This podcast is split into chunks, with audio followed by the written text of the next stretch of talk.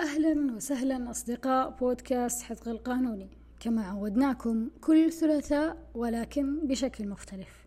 ومن قلب حدق القانوني اليوم حبينا نعد هذه الحلقة بكل حب ولعلها أن تلامس فئة من المستمعين وتمسك بيد كل من يشعر بالشتات وتقوده إلى المسار الصحيح. وحلقة اليوم مقدمة لخريجين وخريجات القانون وخصيصا كل من أنهى دراسة البكالوريوس ويحس بالضياع لتعدد المجالات أو في حين أنه يقال أن الفرص ضيقة.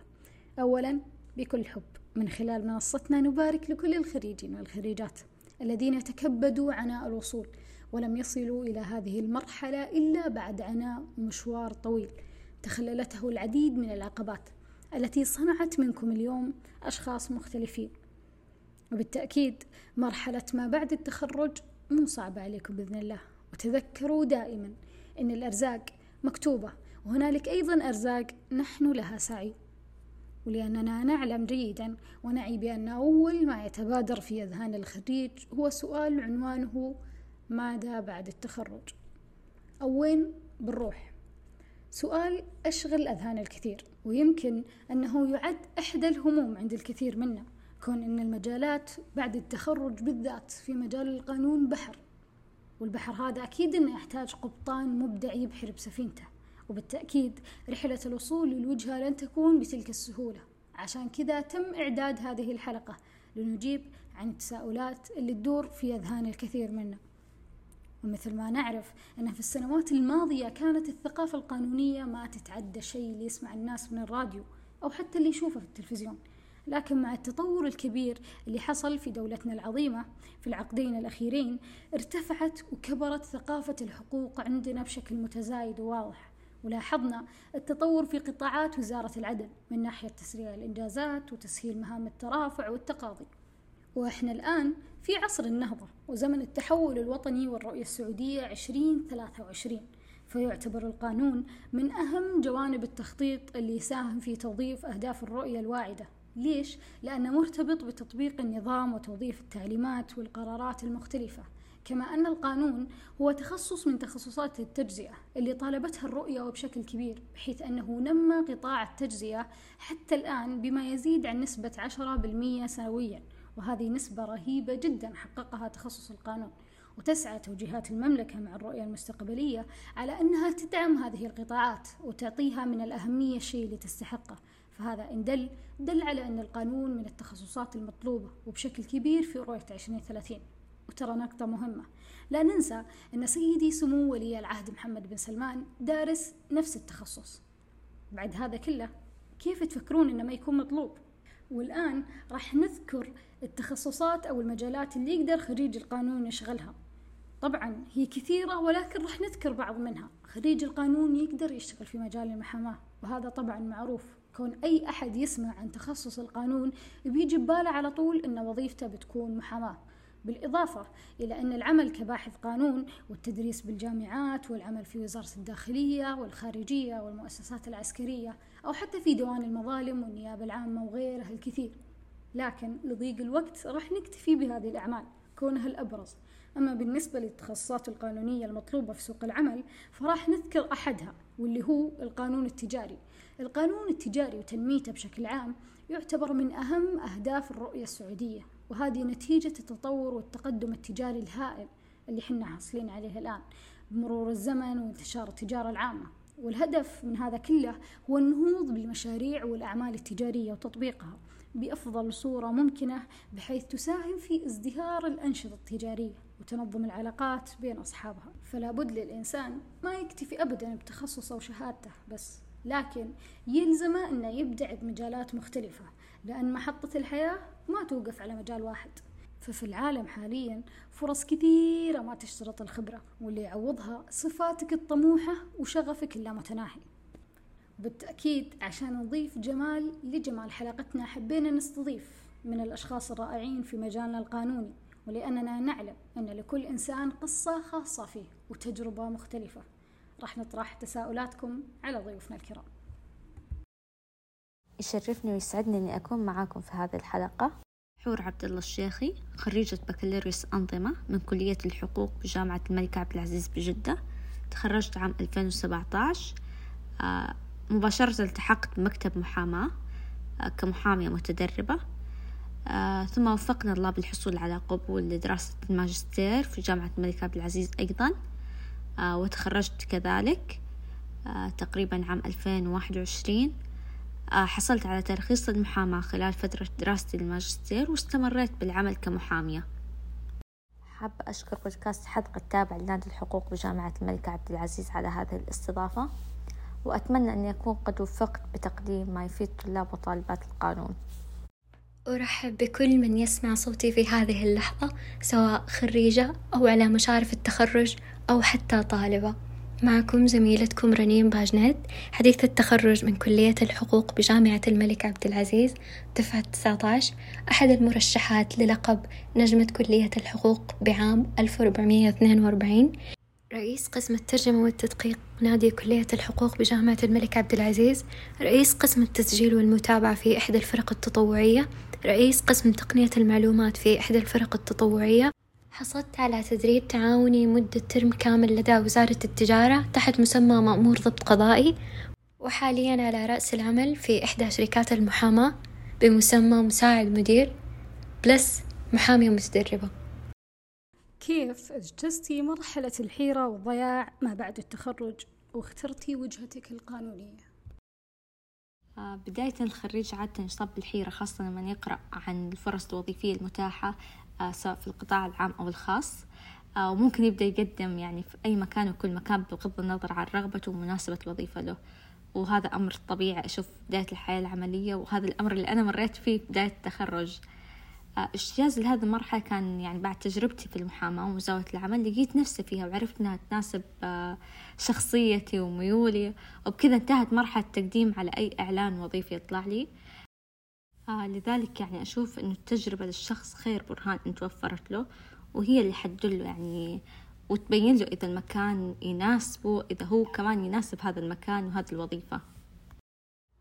أولا مجالات الخريج إما العمل تحت الشركات الخاصة وإما تحت الجهات الحكومية أو كأكاديمي داخل الجامعات أو داخل البنوك. وكل هذه المجالات تتضمن عدة مسميات. وكمعلومة لكم أكثر المهن تطويرا للقانوني من بين كل هذه المجالات هي مهنة المحاماة بلا شك ففيها تصقل كل المهارات ويكون التطور الوظيفي أسرع من غيرها من المهن وعليه لابد من رسم وجهة محددة وحصر كل المهن بسلبياتها ومميزاتها على صاحبها إيش هي المتطلبات والمهارات المطلوبة في سوق العمل؟ وهل تختلف الدراسة عن ممارسة المهنة؟ مثل ما كنا نسمع من كثير أشخاص. آه، أنا أشوف أن الدراسة أساس للعمل المهني بدون أساس يعني قوي وقوي أنا أعتقد أنه الشخص يعني نقدر نقول قد يشعر بالنقص عند أداء العمل. وغير صحيح مثلا أنها منفصلة كليا وإن كانت مختلفة وكل منها طريقتها لكنها مكملة لبعضها. بخصوص المتطلبات أو المهارات أنا أشوف أنه آه، خريج القانون يعني بغض النظر عن مسماه الوظيفي أو الوظيفة اللي حيلتحق فيها مستقبلا بإذن الله آه، لابد له من سعة الاطلاع القدرة على البحث آه، برضو التحليل المنطقي للمعلومات والوقائع اللي قد تعترض أثناء العمل. من المهارات التي يجب أن يتحلى بها القانوني وهي أولا كتابة اللوائح والمذكرات ثانيا كتابة وصياغة العقود ثالثا مهارات البحث القانوني. رابعا التحليل المالي والقانوني. خامسا اللغة الإنجليزية. سادسا الإلمام بناجز ومعين وتراضي التسوية الودية في مكتب العمل. وكمعلومة كنت أجهلها لابد تكون من سمات القانوني في كل المجالات بشكل عام وتحديدا المحاماة بشكل خاص أن يعطي لكل كلمة يقولها قيمة ويكون جاد وواثق في حديثه أما جواب الشق الثاني من السؤال نعم تختلف فالتطبيق يكون على الأنظمة والقواعد وليس على الكتب كما تعلمنا كيف ممكن لطالب القانون يحصل على التدريب التعاوني؟ من خلال التواصل المباشر مع جهات توفر تدريب تعاوني إما بزيارتهم أو بالتواصل الهاتفي أو عبر البريد. آه برضو أشوف في أمر يعني يقع على عاتق الطالب البحث عن تدريب. آه لابد أنه يوسع نطاق البحث ما يقتصر في بحثه على مكاتب المحاماة يعني حاليا عندنا العديد من الجهات توفر تدريب تعاوني. آه منها مثلا ديوان المظالم أرامكو آه مسك وأكيد في غيرها كثير. آه لكن يقع على عاتق الطالب أنه يعني آه يبحث عن مواعيد القبول من بدري آه شروط القبول وغيرها عشان يقدم لديهم. آه بالنسبة لهذا السؤال بعد ما تعرفوا مواعيد التدريب التعاوني لكل جهة أنا كنت أقول للبنات لازم قبل بداية ال term يكون ال CV جاهز وتخاطبوا الجهات بأنفسكم وتقدموا ال CV وتاخذوا قبول مبدئي منهم. بعد كذا تاخذوا الخطاب الخاص بالتدريب من الجامعة. إيش هي أهم نقطة ممكن نركز عليها في أي قضية كانت؟ وإيش هي الأخطاء اللي الأغلب ممكن يقع فيها؟ وما هي الأمور اللي تساعدنا على كسب القضية؟ من وجهة نظر أهم نقطة أن المحامي يدرس القضية قبل قبولها آه، يتأكد من نسبة نجاحها. لأن إذا تجاوز هذا النقطة قد يكتشف يعني في وسط القضية أو نهايتها أنه ضيع وقت وأهدر جهد أيضا من الأمور الهامة أن المحامي يطلب من عميله البينات والسندات وما يتعلق بالقضية آه، قبل البدء مثلا في الترافع أو عند قبول القضية. بغض النظر عن الأوراق أو آه، الدفوع اللي ممكن تظهر بعد الترافع في الدعوة. آه، ولكن تلافيا مثلا لأي تأخير تلافيا مثلا لعدم وجود أحد المستندات وغيرها من الأمور فيطلبها يعني من بدري أول ما يمسك مثلا العمل. آه برضو هذا الأمر يساعد يعني على التصور الواضح للقضية جميع السندات والأوراق موجودة فيسهل على المحامي أنه يعطيه تصور واضح للقضية. أولا خلو اللائحة من أي قواعد فقهية أو مواد نظامية تخص القضية. ثانيا لا تتكلموا وقت الجلسة. أقول لكم هي عشر مرات. إلا بعد ما يسمح لكم القاضي أو بعد أخذ الإذن منه. ثالثا التشويش على الخصم دليل ضعفكم. جواب الشق الثاني من السؤال أولا من الضروري أن تحتوي اللائحة على الأقل قاعدة فقهية ونص نظامي واحد. ثانيا دراسة القضية دراسة عميقة لأنه كثير محامين وقت الجلسة يطلبوا مهلة بسبب جهلهم في أحد الجوانب وبالتالي تكثر عدد الجلسات وتطول القضية. ثالثا مو كل دليل أو قرينة عند موكلكم تطرحوها على القاضي لأنه بعضها ممكن تدين موكلكم. ينطبق ذلك على الإقرارات داخل الجلسة. إيش هي الأشياء اللي تحبين تسوينها خارج إطار التخصص؟ وساعدتكم كثير للتطوير من أنفسكم. شيء يعني أنا كنت أحب أسوي خارج التخصص. قد يكون أمر شوي غريب آه لكن شخصيا حتى يعني قبل التحاقي بالبكالوريوس آه كنت شوية مهتمة بالأسهم بالشركات المساهمة بالتداول وما توقعت يعني إنه هذا الأمر يعني قد يتقاطع مع تخصصي. آه لكن خلال الماجستير آه يعني مرحلة تقديم آه عنوان للرسالة آه قدمت عنوان أول ولكن كان آه كان أحد من الطلاب قد سبق لي العنوان وبدأ فيه يعني. آه فالحمد لله شاءت الأقدار أنه آه رسالتي تكون بعنوان الجوانب القانونية لتداول صكوك التمويل في شركات المساهمة فما توقعت أنه اهتمامي الشخصي آه يساعدني في دراستي أو تخصصي. آه، أيضا أمر آخر أنه آه، من اهتمام الشخصي برضو في هذا الجانب أخذت شهادة التعامل بالأوراق المالية. آه، اختبارين بعد أحصل على الشهادة اختصارها CME 1 مؤخرا أصبحت هذه الشهادة متطلب لتصنيف المحامين كمحامين مختصين بالأوراق المالية. آه الأنشطة اللي كانت تعملها الجامعة إذا ما كنتم مسجلين روحوا عمادة شؤون الطالبات مبنى خمسة وستين الدور الثاني وسجلوا. أيضا مبنى كلية الحقوق الدور الأرضي عند أستاذة تهاني. التطوعات خارج الجامعة. في وقت المقابلات الشخصية كنت أسمع ال HR يقولولي إنه أعطاهم انطباع إيجابي.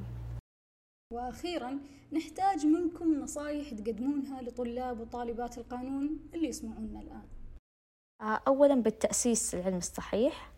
آه، برضو الطالب يعني قد يشغل وقت فراغه بالاطلاع والقراءة يعني في المستجدات القانونية آه، بتطوير مهارة التواصل والإقناع ومهارة الصياغة اللي تكتسب يعني من خلال ساعة الاطلاع والتعود على الكتابة. قبل التخرج ركزوا في تطوير لغتكم واختبروا ال IELTS أو ال STEP الطموحين بالوظائف الحكومية. اختبروا قدرة معرفية في مقاعدكم الآن. من الآن أملأوا ال CV ويكون جاهز قبل التخرج. أبدأوا قدموا على الوظائف في هذه الفترة. شاركوا بالمسابقات الخاصة بالتخصص. بناء سمعة حسنة داخل الجامعة وخارجها والمحيط المهني جدا مهم. شاركوا الأكبر منكم سنا ثقافاتكم القانونية وتبادلوها. ما تمتلكوه من العلم الوفير كنز.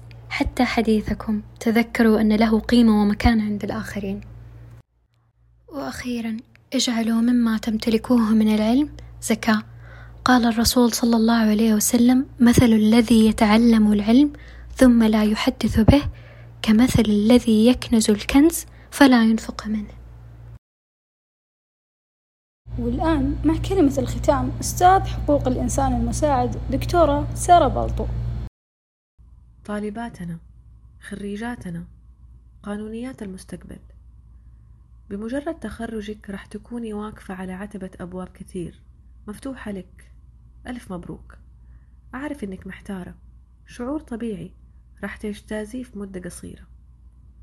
حددي إيش تبغي. إيش أهدافك بعد ما استلمتي الشهادة؟ وكيف متخيلة نفسك بعد كم سنة قدام؟ هل تمارسي مهنة المحاماة؟ هل عضو هيئة تدريس؟ ولا تبغي تكملي دراسات عليا؟ في كل الحالات اختاري شي تحبيه. مجال تبغي تتعمقي فيه ووجهة تقدري تبدعي فيها دايما. لو اخترتي ممارسة المهنة ممتاز. ولو حابة تكملي دراسات عليا الله يوفقك وينفع بك وبعلمك. ولو اخترتي تصيري أكاديمية فأنت بتأدي رسالة عظيمة. لو آخذ وقفة شوية وأتكلم عن اختياري الشخصي في ثواني قليلة اختياري لمهنة التدريس أعطاني فرصة إني أنقل معلوماتي وثقافتي لطالباتي محاميات المستقبل اللي هو أنتو. إحساس العطاء وإفادة الغير جميل جدا. زيادة على كده مجال التدريس متجدد. تقدري تنمي نفسك تنشري أبحاث تشاركي في مؤتمرات وتكبري زيادة في مجالك. للأسف كل مجال له بحر من الكلام. ما يكفي بودكاست. عشان كذا أختم كلامي وأقول لك خلي ببالك. انتي كنز. علمك كنز. وشخصيتك كمان كنز. بس اختاري المكان اللي تقدري تنشري فيه إبداعك بطريقة صحيحة. لأن المجال اللي تختاريه أنصحك ما يكون مجرد مهنة لك. الأفضل يكون شغف. وبكذا أقول الله يوفقك يا مبدعة فين ما كنتي. وبالنهاية ترى كل إنسان راح يوصل للي يبيه لكن الموضوع يحتاج لصبر ووقت وجهد ثقة بالنفس كبيرة. فكثير من الأشخاص الناجحين بدأ نجاحهم من اللحظة اللي وثقوا فيها بأنفسهم وتركوا الأشياء اللي ما تعنيهم أو بالأصح نسميها تطفل على الغير. وطبعا لابد من الثقة بعطاء ربي فالله يعطي بلا انتهاء. ومن المعروف أنا لكل بداية نهاية. وأن خير الكلام ما قل ودل. أرجو من الله أن أكون قدمت ما يفيد. والشكر الجزيل لكتابنا أعضاء البودكاست. وأيضا الشكر الجزيل لمستمعينا الرائعين. أسأل الله لي ولكم التوفيق.